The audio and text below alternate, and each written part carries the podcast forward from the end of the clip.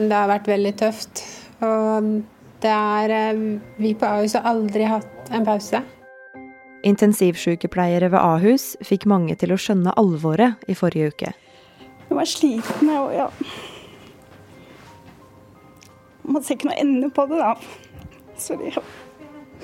Til NRK-kamera fortalte de hvor vanskelig det er blitt å gjøre den jobben de er så glad i og stolte av.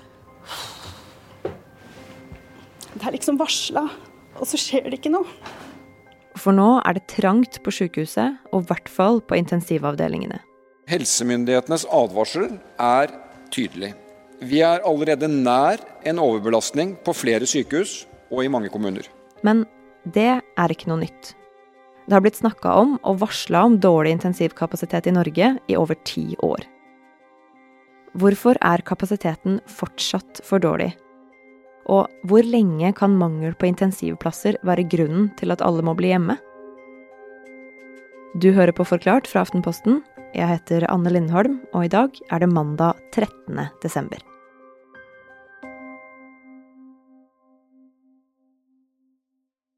Sånn. Da ser jeg at den gir eh, utslag på gjest 03.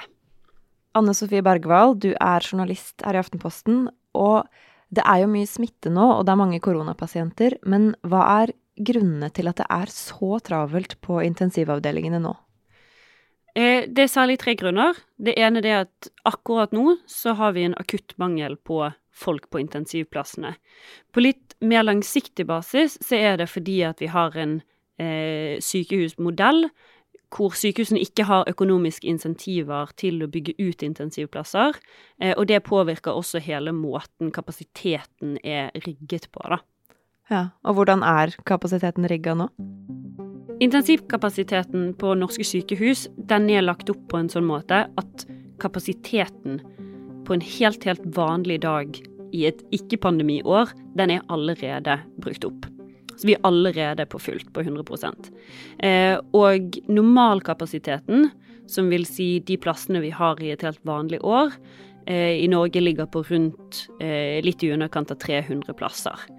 De som ligger på intensivplassene på en vanlig dag, det er folk som har andre eh, lungesykdommer, folk som kommer fra akutten. Og det kan være alt mulig.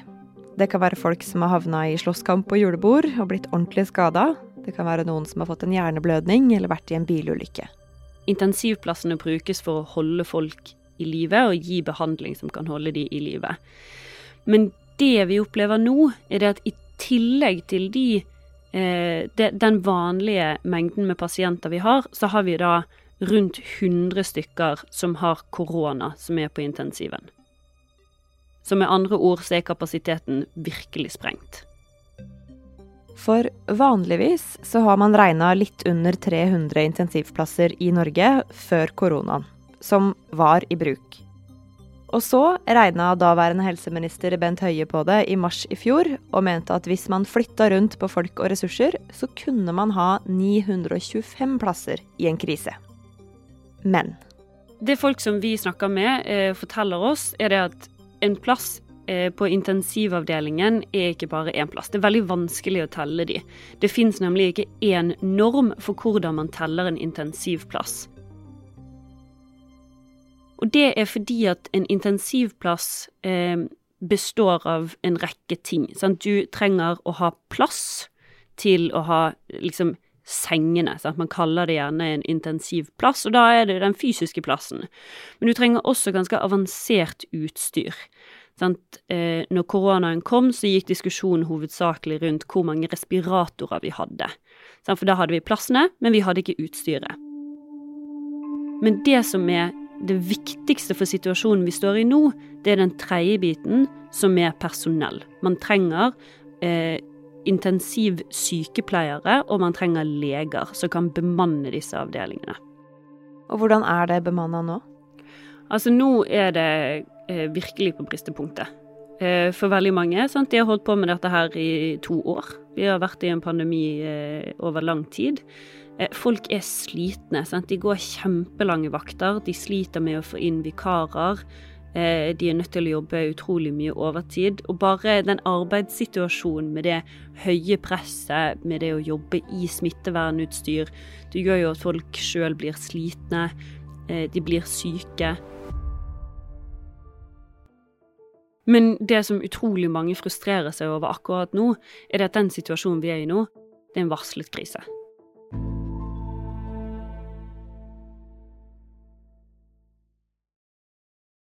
Anne Sofie, åssen er mangel på intensivkapasitet nå en varsla krise? Jo, for dette her er noe som eh, folk i, i eh, helsetjenesten og andre steder har snakket om ganske lenge. Eh, Den første store vekkeren vi fikk eh, var allerede i 2009. Da hadde vi svineinfluensakrisen, som tydelig viste problemene med kapasiteten på intensivplasser. Svineinfluensaen har spredd seg til Europa. Og her i Norge undersøkes nå tre personer for mulig smitte, to av dem ved Universitetssykehuset i Nord-Norge. Og så ti år seinere så kom helseforetakene med en egen rapport, altså nå i desember 2019, rett før korona, hvor de sier sjøl det at vi er skikkelig sprengt på kapasitet. Og Det betyr jo det at vi har visst om dette problemet her veldig lenge, men det har ikke skjedd noen ting. Hvorfor ikke? Eh, jeg vil si det at det er et todelt problem. Den situasjonen som vi har beskrevet, sant? Eh, sykehusene er allerede på 100% kapasitet. Og det handler på den ene siden om det at sykehusene ikke har økonomiske insentiver til å opprette eh, flere sykehusplasser på intensivavdelingen. Eh, ja, for de får ikke betalt for intensivplasser, sant? men det gjør de for f.eks. kneoperasjoner. Ja, Eh, på den andre siden så utdannes det for få både sykepleiere og leger som har spesialisering i intensiv. Da. Eh, og på, på sykepleiersiden av det, sant, det utdannes for få i forhold til hvor mange som slutter, og i, for, i forhold til det behovet man har. Altså, vi har en eldrebølge som kommer, befolkningen har vokst, eh, men likevel så gjør ikke antallet eh, intensivsykepleiere vi har, det i like stor grad. Og sånn var det i mars 2020, da koronaen traff helsevesenet i Norge. Da fikk sykehusene ekstra penger til å ansette folk, men noe av problemet var at det fortsatt ikke fantes så mange flere å ansette. Og det gjør det ikke nå heller. Det er veldig lite som har skjedd. Folk er kjempesliten. Eh, og Sykepleierforbundet har jo sagt det at de er redd for at dette her kommer til å kollapse. Sånn at, eh, kommuner og sykehus sliter med å ansette folk. Stadig flere sykepleiere melder at de vurderer å slutte jobben sin fordi at de er så sliten. Eh, og de har det høyeste fraværet som de har sett blant sykepleiere noensinne. Både fordi folk er sliten, men også fordi at når folk får eh, forkjølelsessymptomer, så kan de ikke gå på jobb. Og de kan ikke jobbe hjemmefra, sånn som veldig mange andre kan. Ok, så grunnene til kapasitetsproblemene nå er at sykehusene ikke får penger for å ha flere intensivplasser enn de må ha i et vanlig år, at det er for få folk, og det utdannes for få folk. Og i tillegg så har svensker og andre arbeidsinnvandrere som jobba ved norske sykehus, slutta å komme. Det er delvis pga. pandemiregler, og delvis fordi svensker ikke tjener så mye bedre i Norge enn i Sverige lenger. Men bortsett fra det med svenskene, så er både finansieringa og mangelen på folk til sjuende og sist et politisk ansvar, ifølge Joakim Lund, kommentator i Aftenposten alt havner egentlig tilbake til politikerne før siden. Og hvem av dem er det som har ansvaret her? Ja, det er, det er flere, da. Eh, dette med utdanning, er, eh, utdanning av helsepersonell er jo et ansvar som flere departementer deler.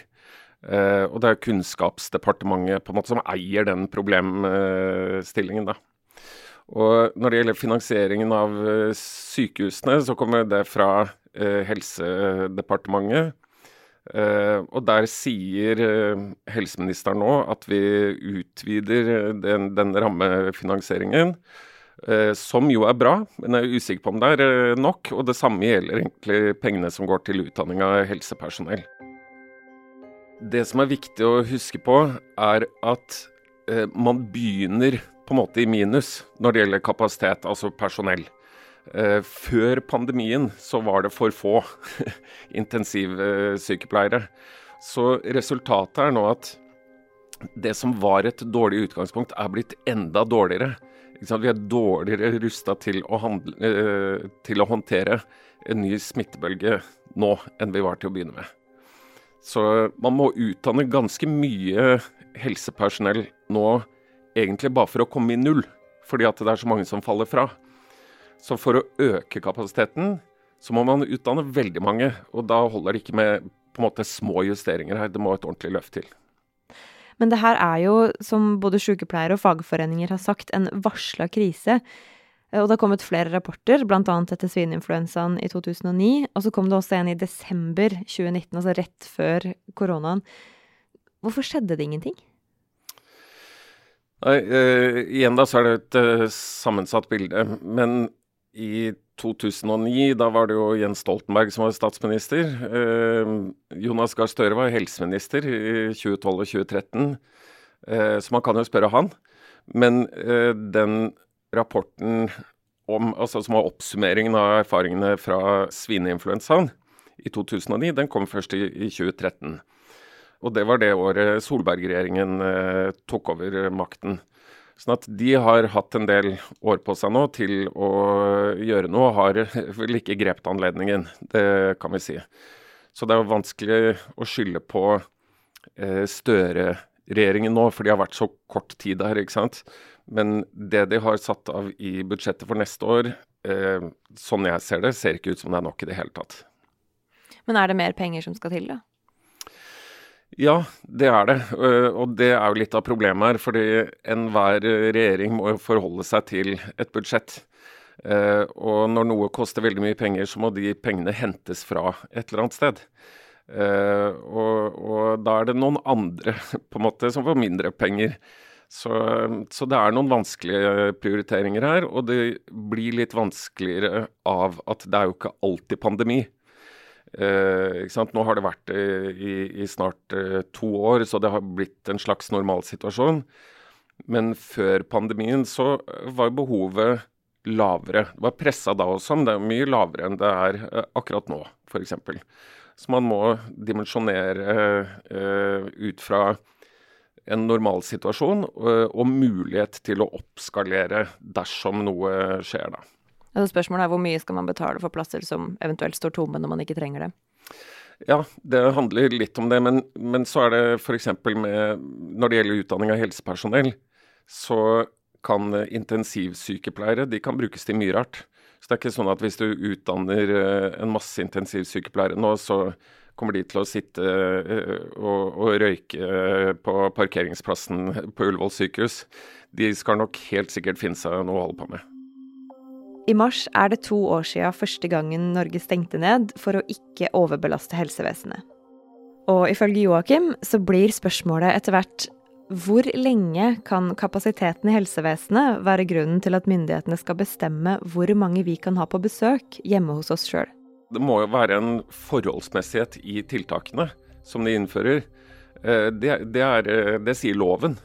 Uh, og hvor lenge er det forholdsmessig å gripe så dypt inn i folks uh, liv uh, når det strengt tatt er for å beskytte en underdimensjonert helsetjeneste?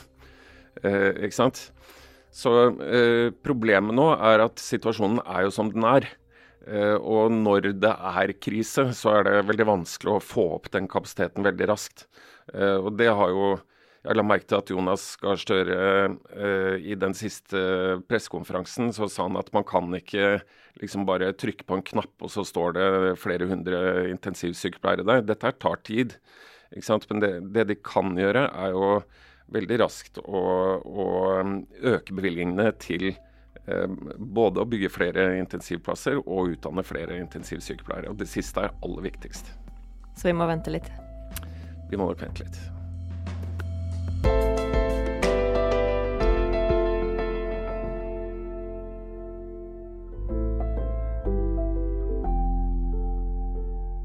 Du har hørt Anne Sofie Bergwall og Joakim Lund snakke om kapasiteten i helsevesenet. Det er David Vekoni og jeg, Anne Lindholm, som har laga episoden. Resten av Forklart er Anders Weberg, Synne Søhol, Marte Spurkland, Fride Nesten Onsdag og Thea Wold Lyster. Du hørte lyd fra NRK og fra regjeringen.no.